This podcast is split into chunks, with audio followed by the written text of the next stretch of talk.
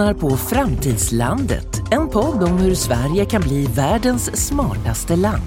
Ledande entreprenörer, forskare och näringslivsprofiler ger sin syn på hur framtidens bästa idéer, arbeten och arbetsplatser kan födas och formas här för att sedan exporteras runt hela världen.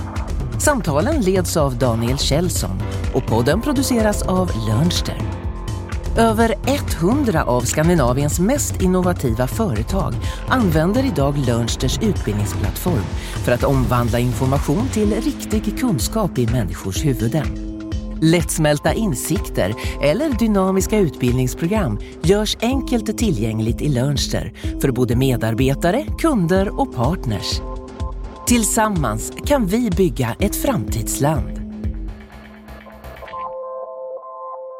Välkommen till Framtidslandet, en podd om pengar, makt, företag och kunskap. Jag heter Daniel Kjellson och här pratar vi om framtidens arbeten, arbetsplatser och arbetsmarknad. Hur kan Sverige bli världens smartaste land? Min vision med de här samtalen är att oavsett om du kom till Sverige för en kvart sedan eller är släkt med Gustav Vasa, så är vi alla nu kallade. Vi måste jobba tillsammans för att vårt lilla land ska fortsätta vara starkt i den stora, allt snabbare världen. Vad krävs då för att vårt samhälle ska kunna erbjuda alla människor bra och utvecklande jobb och trygghet i en allt mer digitaliserad, automatiserad, robotiserad och hyperkonkurrerande värld? Hur ska vi tjäna pengar? Hur bygger vi nya mångmiljardbolag? Allt det där ska vi prata om nu. Vi brukar säga att vi går igenom industriella revolutioner. Från jordbruket och in i fabriken. Från fabriken och in i kunskapsekonomin och så vidare. Men nu står vi inte inte inför en industriell revolution kanske, utan en mänsklig sådan. Nästa gång du söker jobb så kanske du inte konkurrerar med någon som har bättre betyg eller tyngre CV, utan kanske med någon som har köpt en superstark robotarm eller laddat ner hela nationalencyklopedin på ett extra minne i hjärnan. Med oss för att prata om allt det här har vi någon som är så bra att man nästan kan tro att hon har ett extra minne i hjärnan, nämligen författaren och SEBs Chief Digital Officer Sara Örvall. Välkommen Sara! Tack så mycket. Du har skrivit den fantastiska boken Ditt framtida jag, som i stort kan sägas handla om hur tekniken flyttar närmare kroppen. Vad innebär det när vi säger det? Det innebär ju att vi nu ser tekniklösningar som på riktigt kan hjälpa oss att förstärka vår egen tankekraft, göra oss smartare, Eh, som kan förstärka våra sinnen, vår syn, vår hörsel. Teknik som gör att vi kan orka mer. Eh, smarta underställ som får oss att gå längre, eh, lyfta oss lättare och så vidare. Men också teknik som gör att vi kan leva friskare. Jag sa ju nyss till dig att om du idag till exempel söker ett jobb så kanske du tävlar mot någon som har haft råd att gå på Harvard till exempel. Men imorgon så kanske du tävlar med någon som har haft råd att köpa en ny hjärna. Är inte det egentligen samma sak? Eller vad håller egentligen på att förändras här? Om man tittar i det riktigt långa perspektivet så finns det ju de som tror på precis det du sa, alltså du kan importera kunskap till din hjärna. Och för bara några veckor sedan visade Elon Musk upp ett, just ett sådant försök, alltså mannen bakom Tesla, som då har investerat i ett företag som visade upp en prototyp där man har importerat ett chip, satt in ett chip inopererat i hjärnan på en gris. Eh, och det försöket då består ju av att man ska kunna både kunna gå från tankekraft, det jag tänker ska automatiskt gå in i en dator utan att jag skriver något och utan att jag säger något. Mina tankar förflyttas in i datorn. Med samma teknik skulle du ju teoretiskt sett då också kunna flytta in till exempel en matematisk begåvning, ett nytt språk jag inte kan. Men det är ju väldigt långt in i framtiden, både tekniskt men jag tror också mänskligt i form av vad vi vågar och tror eh, att, att vi liksom vill kliva in i för typ av framtid. Mm. Och så kom ihåg att vi är fortfarande oroliga för självstyrande bilar och självkörande bilar. Eh, och då är det såklart steget till att, att importera någon annans kunskap och tankar väldigt, väldigt långt. Mm. När det gäller teknik som kliver närmare kroppen så kommer vi nog snarare se små, små förändringar gradvis än att vi får den typen av revolutionära eh, utvecklingar för att där eh, tror jag inte att vi är beredda att ta så stora kliv och jag tror heller inte att man bör det för mm. att vi förstår inte konsekvenserna på lång sikt. Men däremot i det korta perspektivet så finns det ju mängder av tekniklösningar idag som kan hjälpa dig att, att tänka smartare, fokusera bättre, orka mer. Mm. Och det är kanske mer intressant här ja. och nu. Ja. Tror du att, för just som du sa innan, det finns ju en tidslinje här som man inte ska glömma. Vissa, det finns proteser idag och det finns teknik som finns idag eller är väldigt nära. Och sen finns det saker som vi egentligen kanske teoretiserar kring eller som är väldigt långt bort. Och man ska inte blanda ihop dem kanske för att då blir det här ett väldigt stort. Äh, men min fråga var egentligen, tror du att det här med att få hjälp av teknik eller att få en fördel med hjälp av teknik. Tror du att vi behöver börja, för att alltså, pacemakern är ett vanligt exempel, att där fick vi hjälp av tekniken på något sätt och det är ingen som tycker att det är konstigt eller liksom fel på något sätt. Men skulle man köpa ett extra minne så hade man kanske kommit i en helt annan etisk debatt. Tror du att vi kommer börja och se de här teknikerna sippra in eh, liksom på ett bra sätt, hjälpa folk med Alzheimers eller den typen av saker innan det kommer till Harvard-studenten som vill ha ett ännu bättre jobb? Mm. Så är det ju. Eh, och all, i princip all teknikutveckling idag som, som är nära kroppen handlar just om att hjälpa dem som har någon typ av funktionshinder eller en sjukdom. Och precis som du sa, när man tittar på hjärnförstärkning så är det ofta för människor som har förlorat sitt minne, varit med om en olycka eller har en sjukdom och så försöker man hitta olika tekniska lösningar för att hjälpa dem att återfå det, eh, den minnesförmågan. Det som vi däremot ser är att när du väl har löst det, när tekniken klarar av det. Vi har till exempel idag lyckats operera in chip i hjärnan på människor som sen kan styra sin robotarm med tankekraft. Det finns och det fungerar. Och det finns människor som lever idag med sådana robotarmar. De kan tänka, handen öppnar sig och handen öppnar sig. Mm. Det betyder ju att vi redan har chip i hjärnan som kan läsa tankar. Mm. När du väl har gjort det på den som har ett funktionshinder så, så tror ju jag att det är svårt att hindra i förlängningen att de som vill förstärka sig utöver det normala, alltså bli bättre än den normala kapaciteten, eh, att, att hindra dem från det. När det gäller just chippet i hjärnan kan vi ju hindra det genom att det krävs ju en, en operation, det vill säga det, det, är ganska lätt att reglera. Men det finns ju annan teknik som till exempel om vi tittar på linser för ögonen så har ju de hittills utvecklats för att få perfekt syn, det vi har definierat som 1.0. Mm. Det vi ser nu är linser som till exempel kan få det att se bättre i mörker än vad människan egentligen klarar av, likt djurens förmåga att se. Vi ser linser som har teleskopförmågor, det vill säga att jag kan se betydligt skarpare, mindre föremål än vad människan klarar av. Och vi ser också linser som kan fånga upp infrarött ljus, det vill säga jag kan se värme och kyla med det mänskliga ögat det är ju inte att återställa ett synfel, korrigera ett synfel. Nej, där har vi gått något, över gränsen. Där har vi redan gått över gränsen. Ja. Och sen är det fortfarande, och ska jag då lägga till, det är bara eh, de som är i mörkerseende som finns på marknaden, allt annat är prototyper. Men det är ju saker där människan kan sätta i en lins och ta ut den igen. Mm. Där kommer det vara svårt att hindra de som vill det. I första hand kanske det är just yrkessituationer. Det finns yrken mm. där det är jättebra för mig att kunna se ännu bättre. Det kanske vi vill att våra chaufförer, piloter, läkare ska kunna göra. Mm. Men det kommer också finnas människor som vill det av helt andra skäl. I din bok, och du som har ju tagit den, den positiva um, världsbilden av det här. Um, och det tycker jag att man ska göra för att Alltså, om du någonsin har varit sjuk så vet man att det enda man vill är att bli frisk och så vidare. Så den här du sa med chippet i hjärnan som gör att någon kan använda sin hand igen. Låter ju som att vi, okej okay, i den här dialogen när vi pratar om hela världen förändras så är det en liten sak. Men det är ju en världsförändrande sak för den individen. Det, det, kan ge tillbaka någon liksom livskraften och livsviljan. Mm, absolut. Um. Och det finns ju fantastiska videor när man har då låtit människor med proteser för första gången känna mänsklig beröring vi har ju nu lyckats också kunna skapa sensorer som gör att du får en förnimmelse av ett tryck när någon mm. tar, tar i din protes. Mm. Och den känsloreaktionen man ser i de människorna, det, hos de människorna är ju fantastiskt. Det är mm. magiskt och då är ju tekniken som vackrast. Mm. Eh, så det, och det har jag varit försökt i min bok att, att också belysa alla dessa möjligheter vi har med tekniken. jag tycker det är väldigt lätt att gå direkt in i hotbilden. Mm.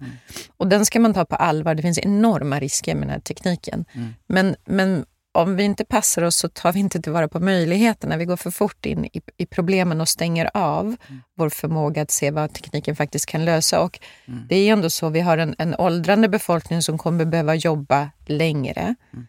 Och kan vi då inte hjälpa den befolkningen att hålla sig friskare med den här tekniken, eh, att må bättre genom alla dessa år, då, då kommer vi få problem. Så att jag tycker att allt som gör att vi till exempel kan se till att förslitningsskador och annat i utsatta yrken, eh, att man underlättar och undviker dem med hjälp av till exempel då robotförstärkta kläder. Mm. Alltså inte att roboten tar över jobbet, utan att människan utför jobb, till exempel tunga lyft i vården mm. eller för den delen i fabriker. Att man hjälper människan på traven så att mm. säga. Det är ju fantastiskt också. Eh, så att det finns ju mycket i tekniken som gör att vi kan ta tillvara på allt det fantastiska vi är som människor. Mm. Men förstärka det och underlätta det istället för att hela tiden prata om att datorerna och robotarna tar över och tar våra jobb. Mm. Precis.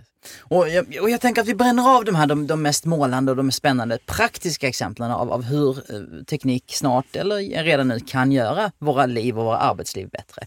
Ett av mina favoritexempel är att sensorer i din toalett snart kan innebära att du egentligen på daglig basis kan hålla en superkoll på kroppen. Alltså att du, det är egentligen som en, ett icke eh, invasivt läkarbesök flera gånger om dagen. Och det är en sån där sak, och det, det jag gillar med det är att det är en sån där sak som man tänker, varför har vi inte gjort det innan? Det är ju jättebra. Vad har du för favoritexempel?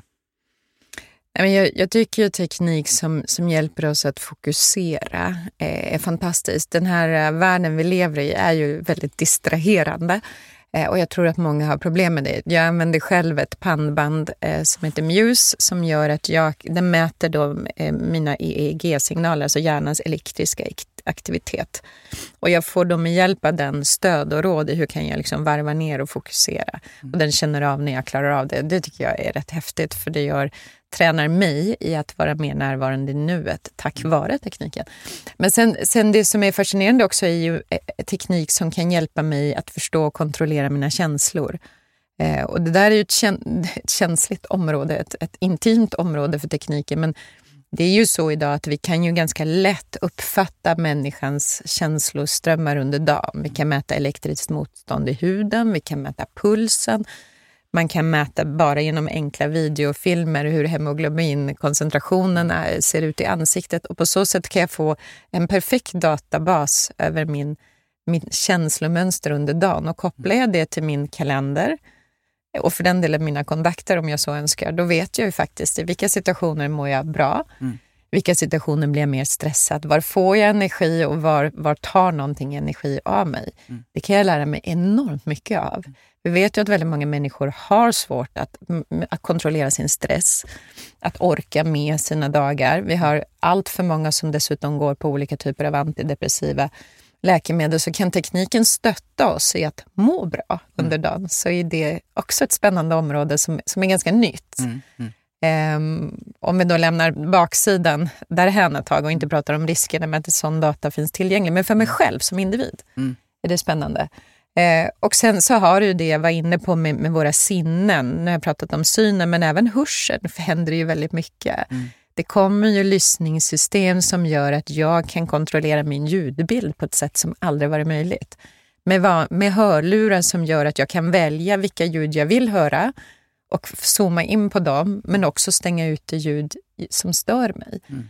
Och det är, om man bara tänker på en helt vanlig dag, först på vägen till jobbet och sen på jobbet, hur många ljud som pågår som jag inte har valt, men jag tvingas lyssna till flygplansbullret, barnet som skriker på bussen och kollegan som pratar för högt i telefon på kontoret. Mm.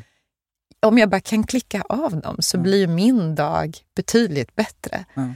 Och det där är, det tycker jag är så spännande små lösningar visserligen, men mm. ändå mm. ger de ju mig en annan vardag. Mm. Ja men och, och det som sagt, vi, det där är ju utveckling som kan tyckas liten återigen när man börjar blåsa upp rubriker och, och robotisering och ditten och datten. Men det kan ju, som du, det, det, kan ju fundamentalt förändra livet på kontoret. Mm. Framtidens arbetsplats kanske inte bara handlar om hur den ser ut i form av vilka liksom, robotiserande hjälpmedel, utan hur vi mår, vad vi fokuserar på, hur vi fördelar vår tid. Ja men absolut, och det finns ju också försök nu och fungerande sådana med det som heter digitala ljudgardiner. Att du egentligen skjuter ner en, en liksom störning som gör att just där du och jag sitter är det tyst. Vi hör inte det som händer utanför. Så, att, så det finns ju mycket kring just eh, hur vi kan optimera välmåendet på arbetsplatsen där tekniken kan hjälpa oss.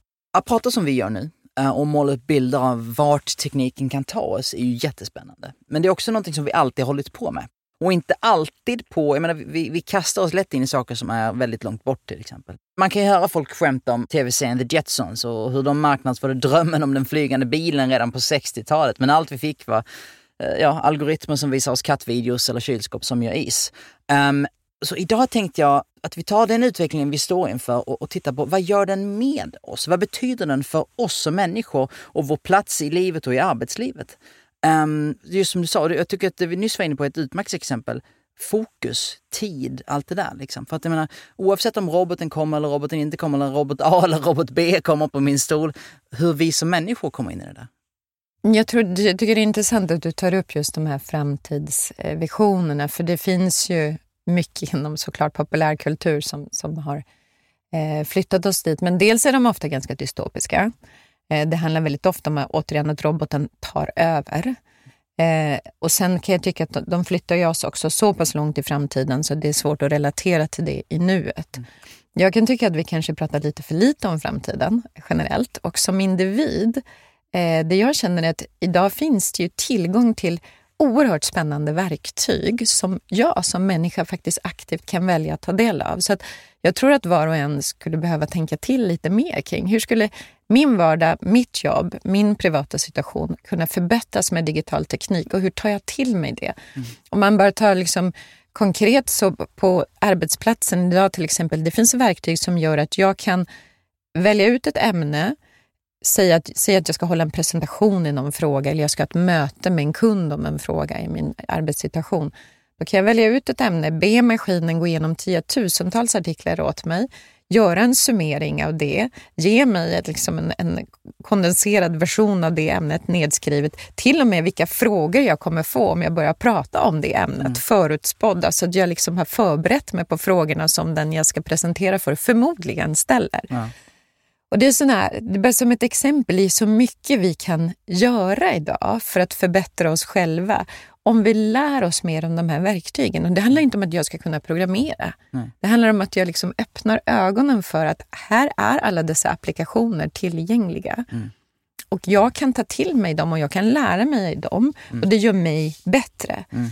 Eh, och det skulle jag önska att fler fick tillgång till. Fler, mm. att fler kunde få den presentationen av de nya tekniska möjligheterna som, som vi alla faktiskt har. Mm. Ja, jättebra poäng. Jag, det jag tänker när jag hör det säga det är att så, precis som att vi har en, en friskvårdstimme eller en friskvård, så borde vi ha en framtidstimme på något sätt. Där människor får, alltså egentligen tvinga, jag ska inte säga tvingas in, men, men där man får ett inrutat, en inrutad tid för att eh, uppleva ny teknik, försöka förstå ny teknik och på något sätt eh, förstå hur den kommer att påverka oss. För men du och jag skulle lätt kunna ställa oss över en whiteboard och lista tio jobb som vi tror inte har någon framtid.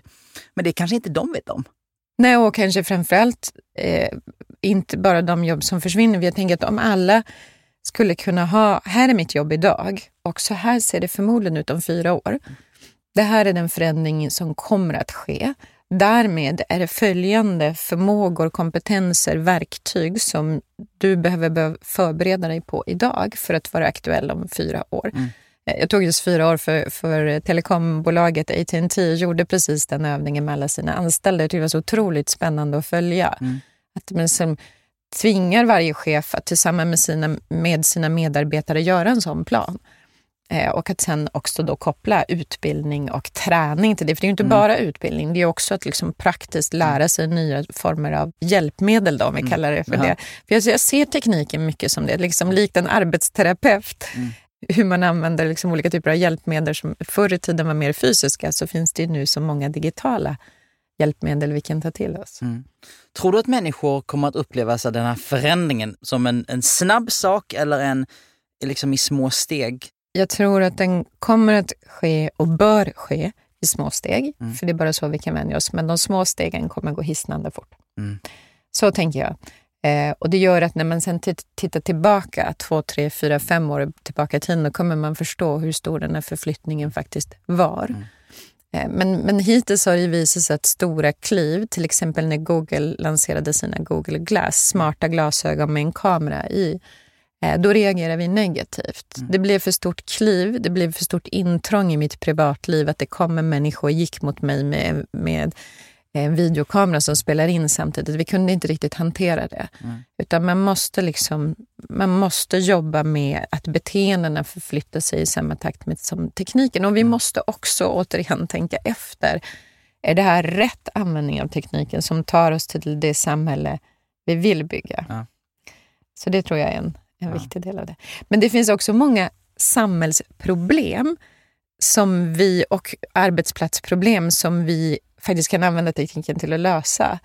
Eh, om man tar mångfaldsfrågan till exempel så eh, träffade jag en professor som, eh, i, vid Stanford som pratade om att man hade tagit fram ett system som gjorde att när experter samtalade i ett rum, då kunde den artificiella intelligensen i rummet tolka vad var och en sa och värdera det utan fördomar. Det vill säga om någon förde fram något väldigt tungt med mycket pondus Mm så silade systemet bort det och försökte liksom filtrera vad sa personen egentligen. Om någon lite försiktigt, kanske på ett annat bruten engelska till exempel, förde fram ett argument som egentligen var starkt men rummet uppfattade inte det så viktades det upp. Och på så sätt kunde systemet sen sammanfatta, det här har ni tillsammans kommit fram till. Vilket visade sig då i olika försök när man använde utan system och med system, att med system hade man i princip alltid betydligt bättre slutsatser. Och det där tycker jag är så otroligt spännande. Verkligen. För kan, kan tekniken hjälpa oss att ta bort eh, det som är det dåliga med det mänskliga, det vill säga fördomar, hur vi behandlar människor baserat på vem de är, bakgrund, kön, annat. Då har vi ju kommit en bra bit på väg. Och det låter ju verkligen som ytterligare ett verktyg i liksom, framtidens arbetsplats verktygslåda. Där vi går in i någonting som är mycket bättre för alla. Mm. Och det, det jag tänker på när, när vi pratar om det är ju så här, jag är, nu är jag på väg att säga att jag är löpare, herregud, jag joggar lite då och då. men, men det finns i sportvärlden en stor eh, diskussion just nu kring en ny löparsko som sägs studsa lite för mycket. Den studsar för mycket för att vara med på tävlingar och världsrekordförsök och sådär. Um, för den är lite för behjälplig egentligen. Um, och då tänker jag, är, är en sån diskussion lite av en försmak på den typ av så moraliska och etiska diskussioner som vi kanske kommer att behöva ha allt oftare? Mm. Det tror jag. Eh, jag tror precis så. Jag tycker sporten är en bra jämförelse. Det, du kan ju även använda doping Ja. om du ska ta det mer extremt. Då. Men det är klart att om du har, eh, låt oss säga då, det finns redan idag hörlurar som eh, ger eh, det som heter neuropriming, alltså att du skickar elektriska signaler in till, till framförallt då motocortex, alltså den delen av hjärnbarken som påverkar våra fysiska rörelser, eller styr våra medvetna rörelser ska jag säga. Det används idag av eh, sportteam, eh, framförallt basketsport. Steph Curry är en av företrädarna för den här tekniken. Eh, och har visat sig då i forskning att eh, 20 minuters användning av de, de hörlurarna gör att du har en timme efteråt där du är extra mottaglig för träning. Du förbättrar din prestation mellan 15 till 20 procent, till exempel träna ett skott, träna någonting annat. Eh, det här har också använts amerikanska militären för att till- exempel träna just för skjutning och även eh, piloter. Den, samma teknik tror man kan användas för annan inlärning. Så att man testar det nu för till exempel matematisk inlärning och annat. Okej, jag har nu chansen att använda de här hörlurarna. De går att köpa på marknaden. De finns på Amazon. Ehm, Allt finns på Amazon. allt. Nej, inte allt. Tur nog. Eh, jag kan köpa dem. Jag kan sätta dem på mitt barn inför eh, matematiklektionen, eller nationella proven kanske till och med. Ja. Ska jag göra det? Ja. Och om jag gör det, vad är då betyg? För att om jag har råd och jag vet om att de finns, men jag kan preppa mitt barn inför skolan. Mm. Var, var går gränsen för vad som är okej och inte okej? Precis. Och vi, vi är inte riktigt där idag för de verktygen är inte tillräckligt. Vi vet inte att det funkar, men Nej. det kommer. Ja. Och det är exakt den debatten som, som du kan ha liksom, i den världen. Sen går du till arbetsplatsen då, så här, vad, vad händer när din arbetsgivare kräver att du ska till exempel använda ett pannband som mäter ditt fokus? Kan vara rimligt för en avancerad operation.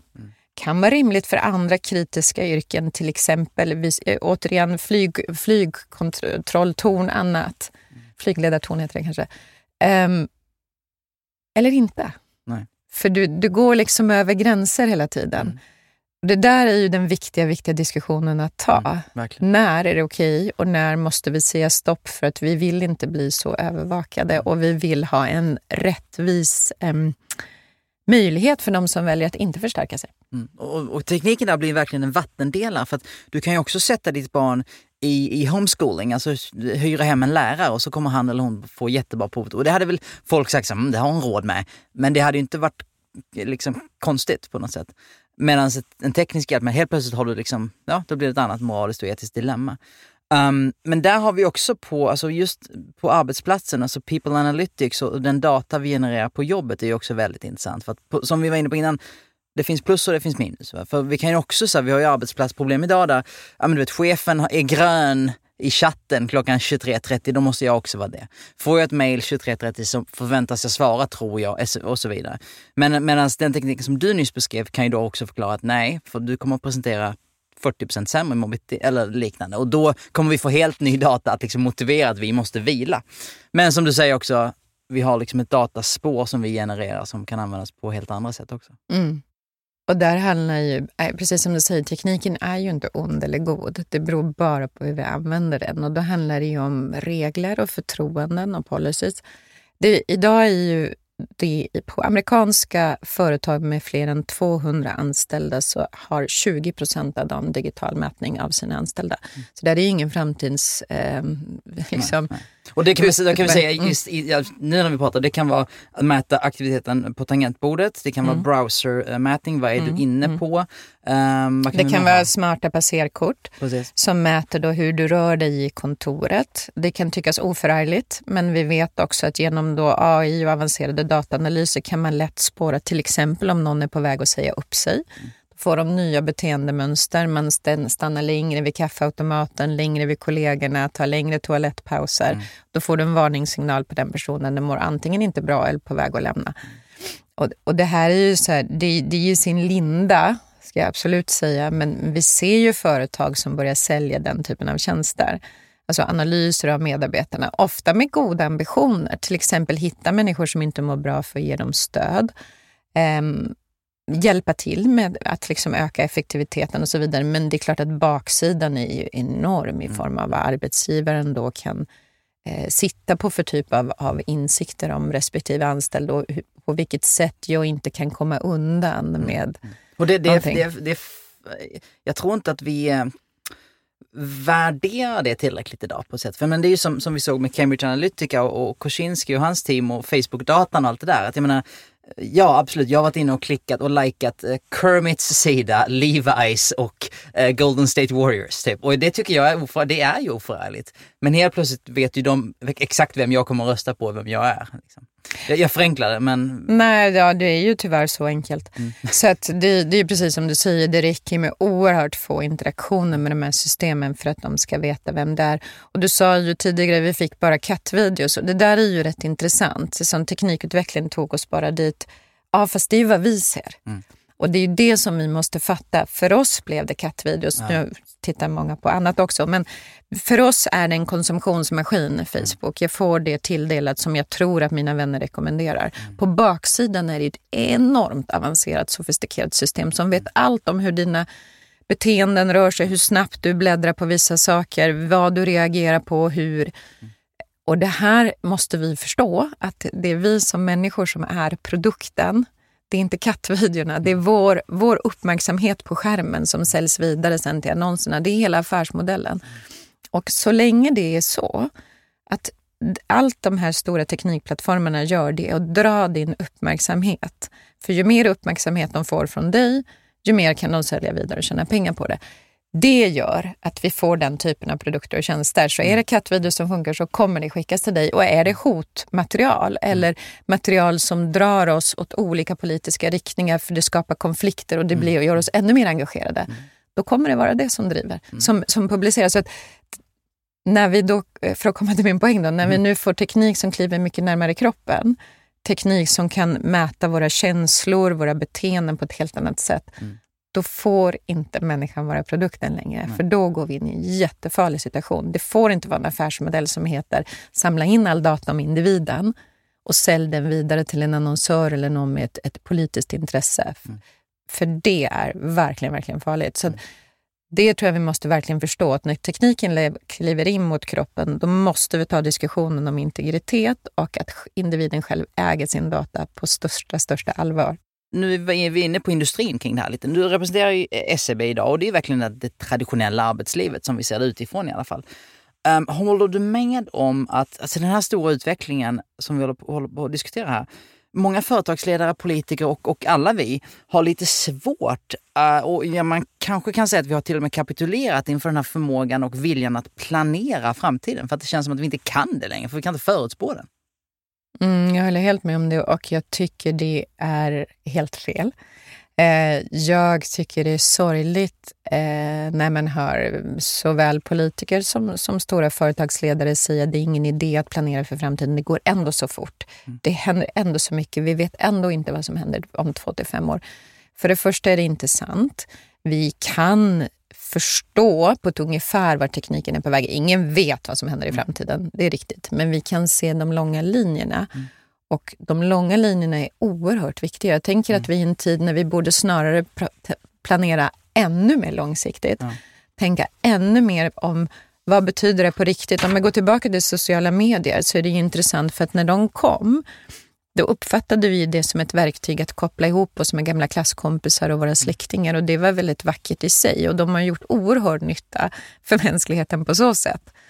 Men vi tänkte inte på den andra sidan av det. Att Nej. det kan bli ett verktyg till de som vill sprida politisk propaganda. Ingen drog ut den långa linjen av vad händer när hela världen är uppkopplad med de här verktygen. Mm. Det hade vi kanske inte kunnat förutspå, eller så hade vi faktiskt det, om vi hade mm. tänkt till lite. Mm. Och på samma sätt tänker jag om ganska många teknikområden idag. Att det här, det vi står liksom på kanten till en ganska stor eh, teknisk, eller väldigt snabb teknisk utveckling inom framförallt eh, artificiell intelligens. Mm. Vi måste börja tänka på vad är, vad är den långsiktiga användningen vi vill ha? Mm. För att den är fantastiskt bra för individen och samhället. Mm. Och var är det vi inte vill flytta den? För att annars kommer det kommer liksom rulla på ändå. Det finns mm. kommersiella intressen, det finns politiska intressen.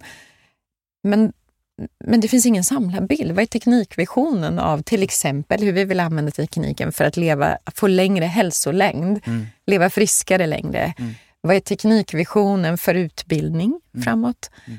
Eh, vad är inte minst teknikvisionen hur vi använder teknik för att leva mer hållbart? Mm. Där tekniken kan vara en jättehjälp för oss.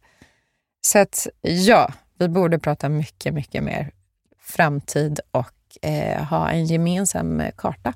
Precis som du sa, tittar man då på de stora techjättarna idag till exempel, så precis som du sa så kan det tyckas, jag menar, det är ett kompisnätverk i, i Facebook och liksom en, ett, ett, arkiv i Google på något sätt. De kan, alltså det, det kan ju tyckas vara förhållandevis osofistikerade produkter idag. Vad finns nästa stora företag, nästa stora värden? Jag menar, vad, kan, vad kan ett land som Sverige titta på och göra den där analysen du precis sa, den långsiktiga, och titta på vad kan vi kliva in och bygga nya bolag och nya jobb? Delvis så tror jag att återigen, då, jag tror att integritetsfrågan är det allra viktigaste framöver. Att prata om hur individen själv kan styra och kontrollera sin, sin data och sina produkter och tjänster. I, inom den kategorin finns det hur mycket som helst man kan göra. För återigen, de stora teknikjättarna idag lever med en omvänd modell. Mm. Där, där tar de all data ifrån det och säljer den vidare till en annonsör. Mm. Men att börja tänka på så här, vad är det man kan skapa och bygga som gör att individen har sitt eget. Jag tänker det moderna kassavalvet. Mm. Vem ska bygga den tjänsten? Mm. Som är så här, här har du allt som är du i data. Här är nyckeln till det kassavalvet och här är hur du låser upp den till olika personer och har en perfekt överblick av mm, vem, över, tar vad? vem tar vad som du kan slå av och på beroende på hur du, hur du önskar vid den tidpunkten. Mm. Det finns väldigt mycket kring datasäkerhet som är den, ur individens perspektiv. Där jag tror vi i Sverige som har eh, hög integritet och också hög tillit faktiskt. Att vi liksom kan, det finns något i vår kultur där som, och, vår, och dessutom vår, vår tekniska mognadsgrad som mm. gör att jag tror att den typen av tjänster eh, kan fungera väldigt väl. Vi har ju också eh, BankID i Sverige som var bland de första i världen med den typen av eh, digital identitet. Så hela den området. Mm. Det kommer fullkomligt explodera. Och sen har du ju hela hållbarhetssidan dessutom, som jag bara måste prata om. För ja. Vi är oerhört långt fram med digital teknik. Vi har ett väldigt stort eh, hållbarhetsengagemang i Sverige, klimatfrågor. Mm. Det finns jättemycket i den här tekniken som idag driver oss till ökad konsumtion, lite blint. Nästan alla algoritmer är ju inställda på att konsumera mer, konsumera mer. Mm. Här är ytterligare en sak som någon annan har köpt. Den här borde du också prova. Men ingen har ju byggt systemen som är, men om du vill leva hållbart då? Då skulle ju snarare säga så här, här är tre till svarta klänningar när jag klickar på en klänning på, på en e-handelstjänst. Så skulle den ju mm. säga, hej, jag har just skannat din garderob. Mm. Och du har ju redan tre likadana. Varför ska du köpa ytterligare en? Eller ännu bättre, vet du vad? Din granne eller din kompis har precis det du tittar på nu. Mm. Du kanske skulle låna den istället. Mm. Tekniken gör allt det här möjligt. Mm. Så liksom att få oss att tänka efter, att välja cykeln istället för bilen för du får perfekt luftdata. Du ser liksom så här mycket bättre blir den av att jag gör det här valet. Mm. Den typen av tjänster tänker jag att kan, inte, kan inte vi bygga dem? Jo, kan men... inte Sverige gå i bräschen för de hållbara digitala lösningarna? Det är två industrier där som kan förändra ett helt land såklart. Men jag tänker det tankesättet, för sen är det mm. klart att det finns mycket mer sofistikerade tekniska lösningar om man vill jobba med hållbarhet i att mäta och spåra mm. var maten kommer ifrån och hur vi fattar våra beslut när det gäller transporter och så vidare. Men, mm. men jag tror att vi kombinerar man teknik och hållbarhet så mm. kommer sig affärsmöjligheterna kommer de att öppna sig. Ja, och det är som du säger, alltså den mänskliga psykologin är enkel i den bemärkelsen att förstår jag verkligen vad min positiva handling ger för världen? För gör jag det och tror på den, då kommer jag investera mer. Mm. Förstår jag vad det mm. gör att ta mm. cykeln istället för bilen och så vidare. Och ser jag det på något sätt så kommer jag bli mer investerad. Absolut, och det vet vi ju. Det, som, det finns ju Nobelpris kopplade till det, nudging, att ja. hela tiden bli påmind om någonting. Ja. Problemet är ju bara att den här nudging-tekniken, att hela tiden ligga där och skapa små, små, små påminnelser, den använder vi nu för att öka vårt ohållbara beteende. Vi har ju liksom vänt tekniken åt fel håll istället för att nudga oss till hållbara lösningar.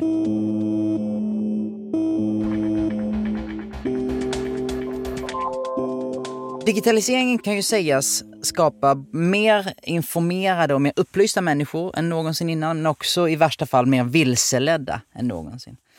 Um, till exempel som, som vi sa innan med, med, vad som händer med våra jobb. Vi vet ju inte och vi tänker inte på hur våra professionella liv utvecklas framåt. Eh, kan vi tjäna pengar inom en femårsperiod, en tioårsperiod? Hur ser framtidens arbetsplats ut och så vidare? Varför tror du att, att människor inte... Ja, du har ju sagt, du sa det innan, vi måste inte bli programmerare för att ha en bättre förståelse kring vad tekniken gör med oss. Om man tar liksom bara kompetensutveckling mm. så tänker jag, om jag bara går till mig själv, så jag ägnar mig åt att jag tittar på vilka liksom ämnesområden som jag känner att det här måste jag kunna mer om. Jag började själv att jobba med hållbarhet för ungefär fem år sedan. Sen dess har jag liksom valt ut vilka är de främsta tänkarna inom det området. Mm. Det kan jag ju hitta genom medier. Vilka är mina gurus mm. som jag följer?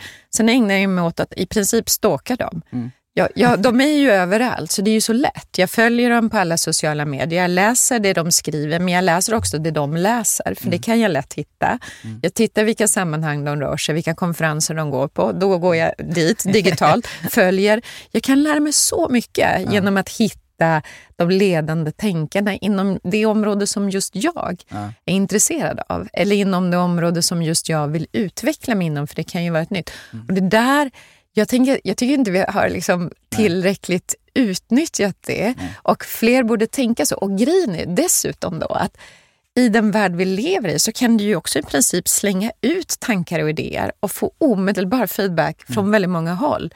Väldigt många personer som tidigare var nästan omöjliga att nå kan ju faktiskt skriva till via något so LinkedIn eller någon annan mm. social plattform föreslå någon typ av tanke, få feedback. Det är ju så öppet idag. Mm. Eh, och det, det tycker jag är så fantastiskt möjligt. Och så till det såklart alla dessa onlineutbildningar som ja. finns att tillgå. Mm. Där många är ju gratis. Mm. Alltså, det är ju magiskt. Verkligen, det är det. Och, menar, det är det. och vi måste ut med det bredare så att fler, för jag menar, det vi alla behöver är ju, nu, nu, nu kommer folk stänga av för att det är för tråkigt, men, men vi behöver en egen personlig, alltid närvarande läroplan. Mm. Um, för det är som du säger, då är det enkelt, vilka tre saker, eller vilka, vilken, en sak tror jag att jag måste veta mer om inom fem år. Där kan, det, det är en utmärkt startpunkt, eller hur? Mm, absolut. Ja, och det är ju kul. Ja. Det är otroligt roligt att följa. Liksom, de, för man får ju då välja man får ju välja områden man har en passion för och intresse för och individer som är spännande att följa. Mm. Så att, Tror du eh, vi kommer lära oss mer um, individ, alltså, som du säger, du, du, du tittar kanske inte på okej vilken institution i världen är bäst på det här utan du, du tittar på mänskliga röster. mm. Um, är det ett bra sätt? Jag menar, de systemen behöver vi lära mer av varandra både på arbetsplatsen och i de sociala kontexterna. Mm. Jag tror det och jag, ty- jag tycker att det är det som, som den nya tekniken har gjort möjligt. Att det tycker jag är väldigt, väldigt spännande för att om jag hittar eh, Fei Fei Li i Stanford som är en av de här AI, en kvinnlig AI-professor som är jättespännande och tittar mycket på artificiell intelligens och, och eh, integritet just eh, och mänsklighet. Ehm, ja, men då, kan, då kan jag ju liksom få, det är ju som att hennes värld öppnar sig för mig. Mm. Fast hon vet ju inte. Nu har jag råkat träffa henne men hon vet säkert inte vem jag är ändå. Så det, och det, inte, det behöver ju inte ens ha den personliga ingången. Nej. Så att ja, jag tycker att det är fantastiskt. Sen är det såklart så, det kommer ju inte ifrån att vissa institutioner, de kan du ju följa lika slaviskt. Jag följer MIT eh, Media Lab i princip allt de gör, för jag tycker att de är så spännande som institution. Så där, även där kan man ju hitta sina superstars eh, och ta del av deras, eh, deras tankar och forskning. Ja, men, och även i det lite mindre, för jag menar, om ni sitter på kontoret och du lär dig något jättehäftigt om AI så borde det finnas ett bättre sätt att det kan skala till teamet. Mm. Ja, ja absolut. Och det, det kan man ju faktiskt Ja. skapa på arbetsplatsen och ha mycket mer eh, kompetensutbyte. Och inte minst, vi har ett system där vi delar våra läslistor. Och bara det, det är ju så enkelt. Mm. Att bara som de här artiklarna jag har läst den här veckan och så kan alla andra titta på det och så kan jag stjärnmarkera och så kan andra liksom Mm. följa. Så det finns ju många, många smarta system där det kan bli lättare att bara eh, dela med sig av det som jag har just upptäckt. Och för jag får av andra såklart. Och på det temat, vilka tre saker tror du att det kommer vara viktigast att lära sig nu om man ska vara framgångsrik på arbetsmarknaden eller i entreprenörskap, säg 2030? Teknik, teknik, teknik. Oj, oj, oj. Ja, även så skämt åsido så, så tror jag... Det, fann, det fanns ju en Stanford-studie just som sa att 2030 var ju det faktiskt. 2030 kommer 75 procent av alla yrken i världen kräva teknisk grundkompetens. Ehm, Vad tror du att teknisk grundkompetens Ja, då ska man, precis, vad betyder det då? Nej, men jag, jag tänker så här, att det, jag tror inte det finns något yrke framöver där du inte måste kunna förstå tekniken och använda tekniken. Men inte bara använda, förstå också. Så att om man tar, om jag jobbar inom HR till exempel och ska jobba med rekryteringar, ja men då måste jag förstå tekniska verktyg som kan liksom gå igenom många ansökningar, teknik jag kan använda som stöd vid intervjuer. Det är som, jag kommer inte ifrån det var jag än befinner mig. En läkare måste kunna jättemånga nya avancerade Förstå verktyg. hur den kan accelerera mig egentligen. Ja, förstärka min förmåga. Så att bo, återigen, det, här, liksom, det finns så många nya verktyg på plats. Så tar inte jag till mig dem så kommer jag prestera sämre Mm. än de som har lärt sig verktygen för de höjer min både kunskap och emellanåt till och med min praktiska förmåga. Så att ja, jag tror, och då känner jag så här att dessutom, vi blir ju lite för dumma användare av teknik när vi inte förstår den. Och då tror jag också det är då det går snett. Så både för sin egen motivation men också för att liksom bli en, en, en smartare, styra tekniken rätt så måste vi förstå lite mer. Hur är en algoritm uppbyggd? Eh, hur fungerar machine learning egentligen? För att annars gör vi misstag. Det blir Ja, men det klassiska exemplet nu nyligen var ju Apple lanserade sitt nya kort i USA med buller och bång och det är liksom det senaste, modernaste, det är automatisk kreditgivning, allting går via AI. Och så går det bara några månader och sen visar då en, en, en, tidning gör en granskning och då visar det sig att män har då fått i snitt 10% högre lån än kvinnor. Ja. Och då blir man ju helt förfärad. Så det, är så här, det är klart att ingen har suttit på Apple eller kortutgivaren som det här handlar om då och, och bestämt sig för det. Det var ingen som ville, men de har helt enkelt inte förstått hur algoritmen arbetar, den som ger kreditgivning. De har inte satt sig in i hela logiken och varför den ger fel. Och de där felen är ju brutala. Ja, Och, och ingen vill ju stå bakom det. Ingen vill, vara, eller ska säga, ingen vill vara delaktig i ett sånt misstag. Men vi kommer att bli delaktiga om vi inte fattar tekniken bättre. Och det är det jag menar. Kommer alla behöva lära oss den. Så att vad man än vill göra så tänker jag så här, jag har det här specifika intresset. Ja, men lägg in en, en strimma teknik på det också. Mm, ja. Ja, Och då menar jag eh, framförallt liksom, du behöver inte kunna programmering, men du måste förstå hur programmering går till. Mm. Du måste förstå vad är det för språk vi pratar om och hur används artificiell intelligens och machine learning, data analytics. Vad tror du kommer att prägla framtidens arbetsplats? Jag hoppas ju att vi inte går in i en övervakningsarbetsplats. Eh, jag tror att det finns risker för det faktiskt. Mm. Eh, för att det, det, finns för, det finns effektiviseringsfördelar som är uppenbara. Men jag tror, hoppas inte att vi går dit. In, jag tror inte att det är bra för, för människor eh, och jag tror inte att vi kommer att må bättre av det. Men, eh, men det jag tror eh, som är positivt är då att vi kommer återigen kunna ha verktyg som hjälper oss att må bättre. Det är ju en fördel om, om datan bara är för mig. Om, om till och med mitt tangentbord fångar upp att som, vänta, nu, nu behöver du en paus. Nu behöver du vila, du är stressad. Det kanske vi borde känna själva, men vi gör ju inte det. Mm. Så att liksom system som hjälper oss att fånga upp att nu pressar du dig för hårt eller nu, nu har du inte ätit tillräckligt, att du borde faktiskt sova mer. Så mm. Vi kan ta hand om oss väldigt mycket bättre. Mm. Eh, och det, det, det är kanske inte, tycker du, en arbetsplats fråga, men jag tycker nog att... Vi tillbringar mycket tid av livet på arbetet. Vi gör ju det och, och vi ska orka så länge. Vi ska ju jobba mycket, mycket längre och vi ska göra det med lust. Mm.